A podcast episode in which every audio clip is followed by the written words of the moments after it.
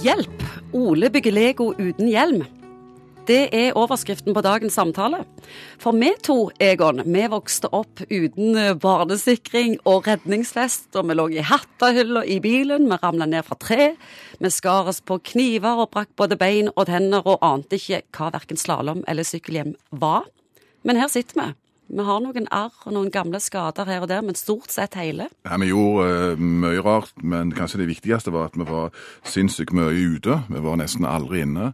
Vi klatra i trær, og vi lekte stuntmenn, og vi klatra i lyktestolper. Det var på en måte en uh, oppvekst uten polstring. Uh, og holdningen til risiko at dette var noe ganske annerledes enn det er i dag. Har ikke sett en redningsvest og fikk leke med ekte kniver, og sånn holdt vi på. Det gikk stort sett godt. Ja, jeg hadde en kompis av meg har en historie hvor han liksom tok opp med foreldrene at det var det, han ble nemlig så mye bilsyken fordi at foreldrene røykte så mye i bilen når de var ute og, ute og kjørte. Så hadde han sagt til foreldrene at det var jo piker ikke greie som skulle røyke hele veien. Hvorpå mora da snudde seg og kikket på han og sa ja, du var ikke helt grei du heller. Så det, det var en annen holdning den gangen enn det er i dag. Når er barn overbeskytta?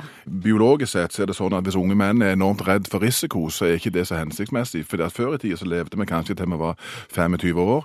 Det vil si at du hadde en ungdomstid hvor du måtte tørre å gutse, tørre å ta risiko. Hvis du ikke tok risiko, så kunne du risikere å bli klemt bak ei dør i forhold til det store biologiske prosjektet vårt, som er å formere oss.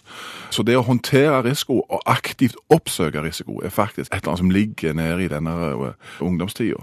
Sånn som det er nå. Hva tenker du om det? Vi har nok fått ei tid, tror jeg, som eh, hvor alt er regulert, alt er strukturert, alt er på en måte ledsaga av et sånn pedagogisk overoppsyn. Og jeg tror, jeg tror, på en måte vi kan ikke reversere den utviklingen. Unger på selvstyr ute, vi var ute hele året, fikk lov å komme på julaften. Den tida tror jeg definitivt er over. Men hva gjør det med ungene å bli regulerte ned til minste detalj? Det er klart at det å, å, oppleve å håndtere risiko, oppleve å tørre ting, tror jeg er en viktig både motorisk, men òg psykologisk. Jeg tror at for mange, mange, unge menn som sitter foran en PC, egentlig enten å spille, kommer ut i en yrkesaktiv alder og ikke beveger oss. Jeg tror vi har altfor lite bevegelse, og kanskje burde vi introdusert mer risiko enn det vi faktisk har. Men skjønner du ikke foreldrene som har lyst til å beskytte ungene sine, og redde for dem? Ingen vil jo at ungen sin skal bli skada. Nei, det kan du si, men så er det akkurat det der, disse balansene som vi har snakket om tidligere.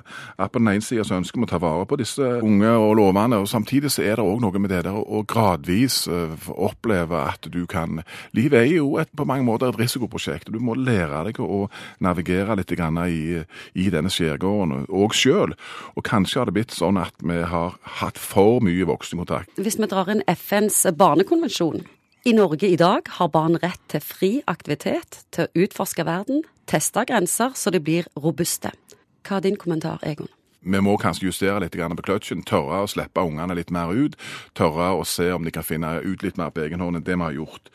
Men det er litt vanskelig, for jeg ser at bevegelsen er egentlig i den andre retningen, hvor det er stadig mer oppfølging. og Det er ikke sånn at bare ungene går på trening og alene. Det er foreldrene går på trening og følger de på treningene. Disse voksne som da skal følge opp alt dette, de, helgene er jo mer travle egentlig enn det ukedagene er. Hva oppnår barn som får lov til å oppleve risiko? No guts, no glory. Sånn er det jo med mange ting her i livet. Man har kanskje fått en generasjon som er så opptatt av å sikre og langtidsplanlegge at noe av dette har drevet fram denne frykten for kanskje ikke være god nok. Og vi har jo denne paradoksale ungdomsgenerasjonen som er så fordømt flinke, men som samtidig er så bekymra over så mange ting. Og kanskje er det noe med å erkjenne at vi vet ikke alt, vi kan ikke kontrollere alt.